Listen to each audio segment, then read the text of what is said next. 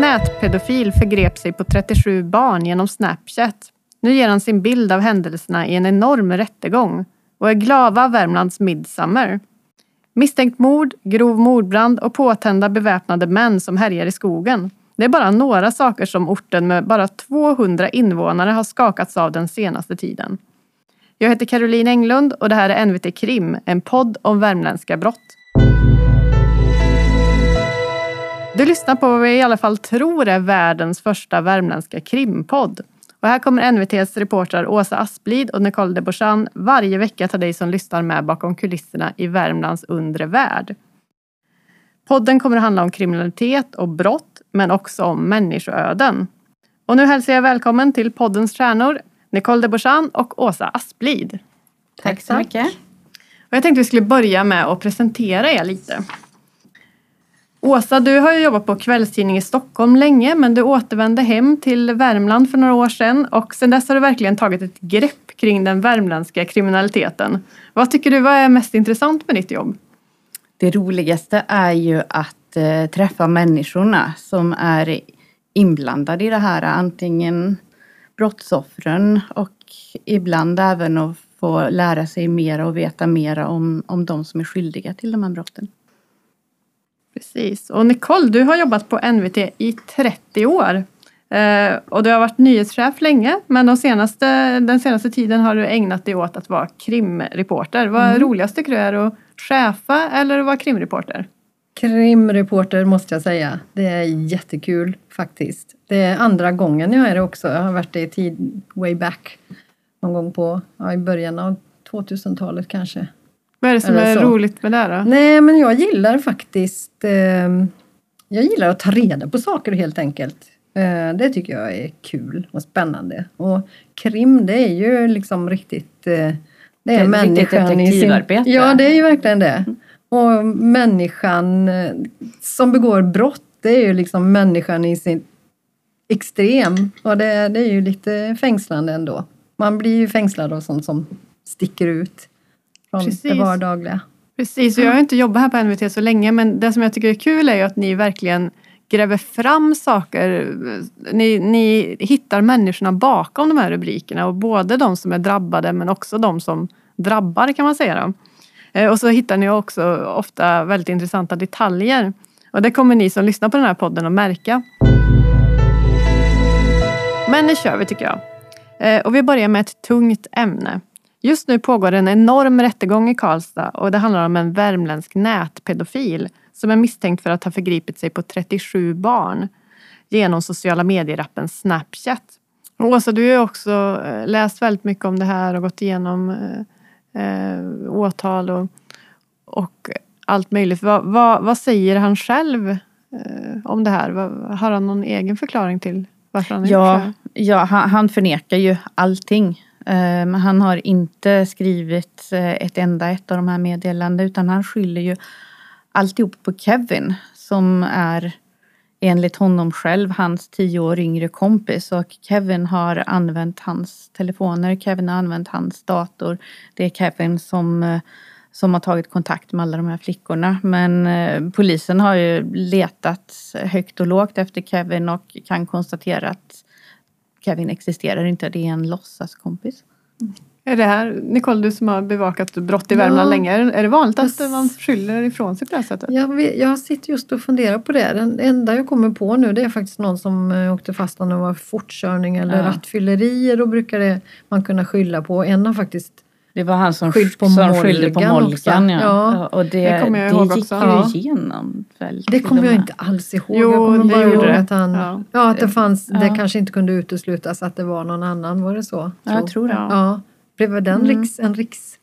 Ja, ja, precis. Mm. Mm. Men det ligger ju på lite annan nivå. Ja, kanske. verkligen. Mm. Det är kanske är ett sätt att förtränga där man faktiskt, om, man, om det nu är han, det vet vi ju inte än, han är inte dömd och så men om sådana handlingar. Att ja, han liksom det, lägger det, över det på någon annan. Det, det tror jag också. Man vill inte erkänna för sig själv ja. att man har gjort de här brotten. För det är så, alltså det är väldigt skamfyllda brott det handlar om. Och han kommer ju inte kunna sitta på en vanlig anstalt om han döms, om man nu får fängelse förstås. Utan det finns ju speciella mm. eh, anstalter. Ja. Eh, Skogome i Göteborg tror jag är den Ja, Vanliga. Norrtälje har ju Mm. mycket sexbrottslingar Mm. också. Men, men eh, alltså det här med Kevin, det är ju mycket möjligt att han i hans värld så är det Kevin Ja. som har gjort det. Det vet jag inte. För han förklarar ju vid något tillfälle att, att han själv är ju inte intresserad av Snapchat och alla sådana här saker. Utan det var ju när han träffade Kevin för några år sedan. Det var ju då som allt det här med Snapchat och Instagram och allt det började. Ehm, säger han ju. Ja. Snapchat, Kevin gillar Snapchat. Mm. All sån där skit det håller inte han på med. Men vad fick du för intryck av honom där i, rätten den första dagen? Eh, ja, eh, jag uppfattade det som att han nästan satt och, och småskrattade lite grann. Eller smålog för sig själv. Så, så att eh, jag vet inte, han kanske... Har man suttit häktad Ja. i ett och ett halvt år så, eh, så är det väl skönt att kanske komma i ett annat sammanhang bara och se andra människor och annan miljö. Så att, Det har för mig att åklagaren sa till mig vid något tillfälle att han nästan såg fram emot den här rättegången just för att ja, det händer någonting. Omväxling, helt ja, enkelt. precis. Det, det, det blir ju säkert otroligt tråkigt att sitta in- inlåst i häktet och det visar ju de här anteckningarna också. Vad då för Som- anteckningar? Eh, jag, jag har ju begärt ut och fått ut eh, anteckningar som åklagaren använder som bevis för att det var den här 29-årige mannen som faktiskt har skrivit alla de här meddelandena till de unga flickorna. Det, det handlar om 110 eh, A4-sidor som de hittade i hans cell som är så tätskrivna. Det går inte att få plats med mera text på de här papperna. De är, är, sprängfyllda med, eh, med anteckningar. Och det är ju till viss del är det grova sexuella saker som står där men, men det är ju även det är nedräkning av dagar i, i de olika månaderna. Det är en hel sida är bara full av tätt, tätt skrivet namn på olika tv-program ehm, och sånt. Och det, det bara visar väl att man har kolossalt tråkigt Mm. eh, i häktet. Kallade han sig för Kevin när han kommunicerade med de här barnen också eller vet du det? Det tror jag inte. Jag, jag vet faktiskt inte det. Jag har inte, jag har inte sett det. Nej. Ehm, nej, det tror jag inte att han gjorde. Men han ljög om sin ålder i alla fall. Ja, han, han ljög både om sitt namn och sin ålder. Han, han har haft några olika namn som han har kallat sig för, har åklagaren berättat. Och han har sagt att han har varit mellan 15 och 17 år ungefär. Vem är den här mannen då som är misstänkt för de här sakerna? Det är en 29-årig man som är bosatt i Karlstad som eh, en enstöring skulle jag nog beskriva honom som. Han hoppade av gymnasiet och har eh, aldrig haft ett, eh, en riktig anställning i hela sitt liv. Sitter enligt sin egen mamma mest instängd på sitt rum med datorn. Och eh, hur har, han kom, har, hur har han kommit i kontakt med de här barnen? Det är framför allt via Snapchat. Han letar efter unga flickor på internet, skickar eh, följdförfrågningar och de som accepterar honom som vän börjar han skicka meddelanden till och det går ganska snabbt över till sexuella frågor. Och eh, vad, vad är det han är misstänkt för? Det är väldigt grova brott. Det är grov våldtäkt mot barn, det är grovt utnyttjande av barn för sexuell posering, det är barnpornografibrott, sexuellt ofredande, olaga hot, övergrepp i rättssak. Um, ja, mycket allvarliga brott helt enkelt. Mm. Har du koll på hur, mycket, hur långt straff man kan få för allt det här? Liksom? Alltså, vad som finns i straffskalan för grov våldtäkt mot barn? Han har inte träffat dem utan det här är ju på nätet Ja. då som han har gjort. Men, Men det heter är det skillnad så då? Ja. ändå. Mm. När, Ja. när det är barn som är utsatta så, så kan det bli eh, så blir det den brottsrubriceringen ändå. För Han har ju suttit häktad i över eh, ja, ett och ett halvt år. Så att då kan man ju... Alltså han har redan varit inlåst så länge så att man kan ju tänka sig att han får... eh, Att, Att han det är kan ett rejält straff det. då, ja. Jag, mm, min privata teori är ju att han antagligen kommer dömas till rättspsykiatrisk Mm. vård snarare än fängelse, Mm. tror jag. Och eh, då blir det ju inte tidsbestämt riktigt på samma sätt. Nej.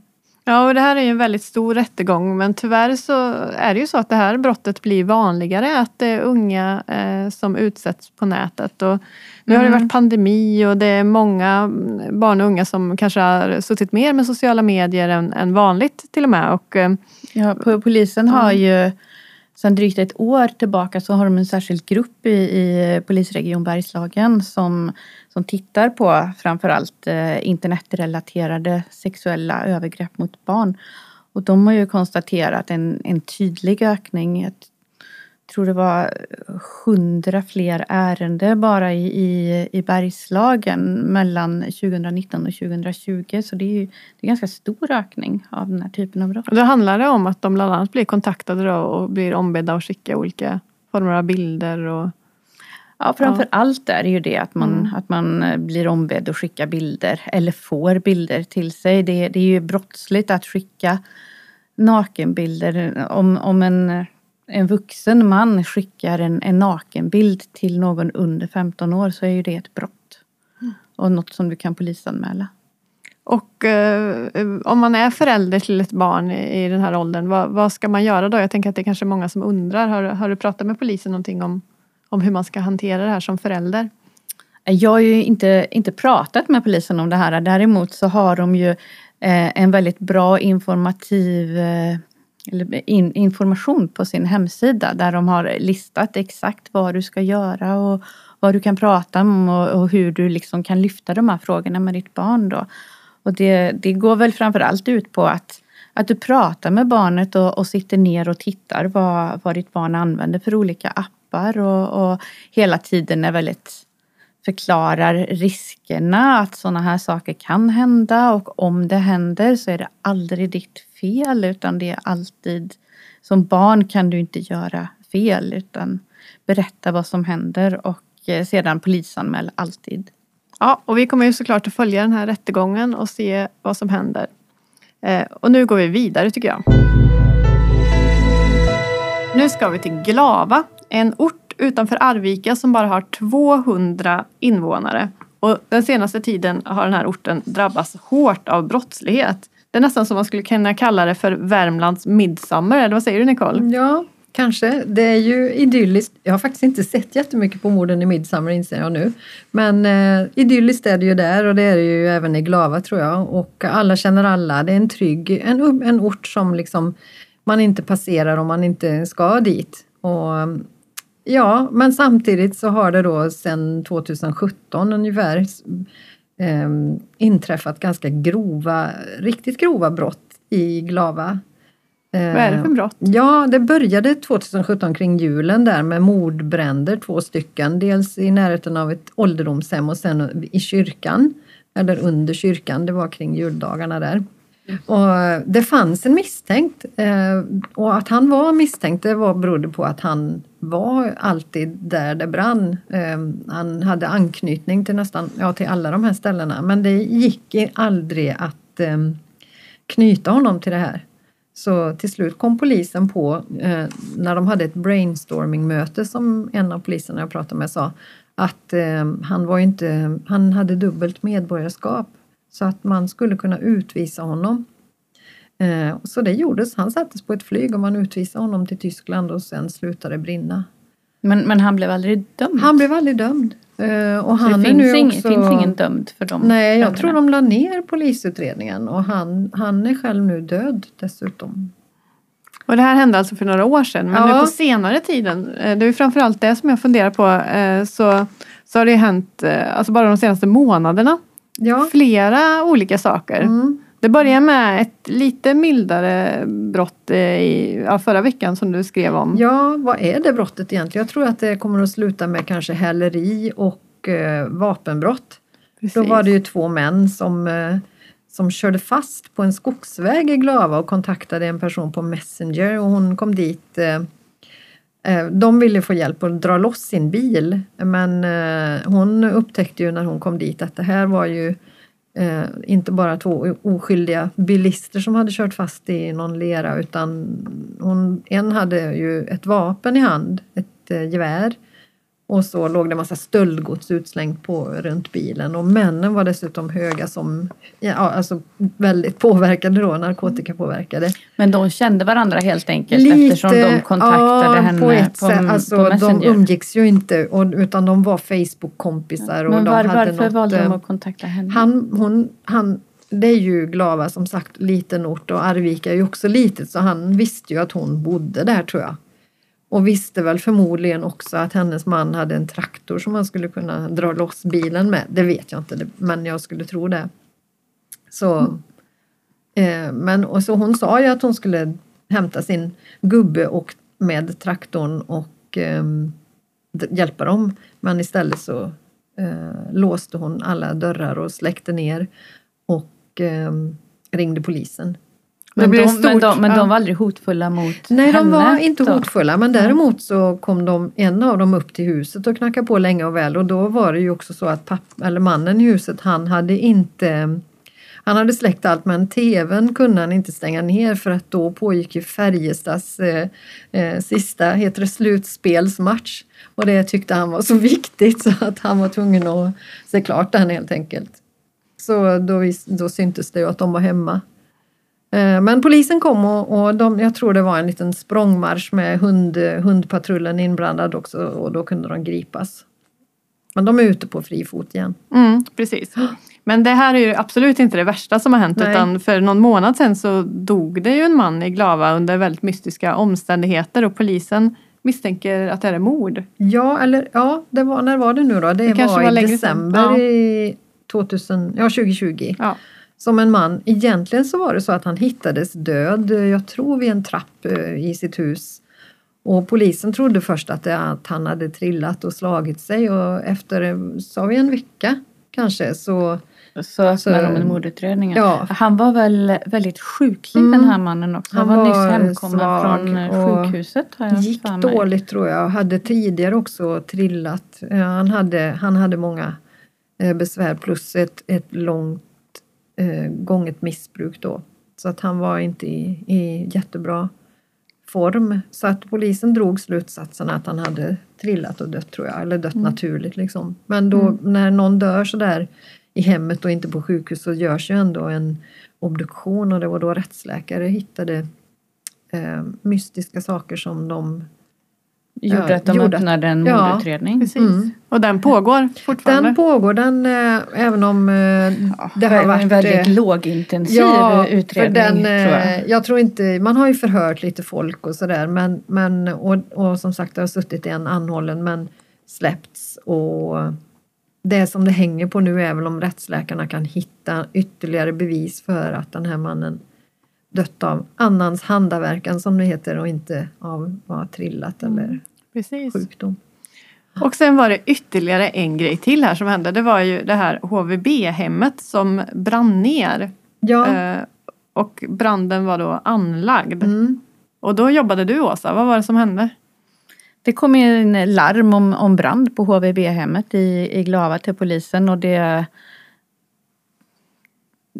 Ja, när, när första brandstyrkan kom dit så hade elden hunnit sprida sig så mycket så att det, byggnaden brann ner till, till grunden. Det är tre murstockar som står kvar. Eh, allt annat är borta.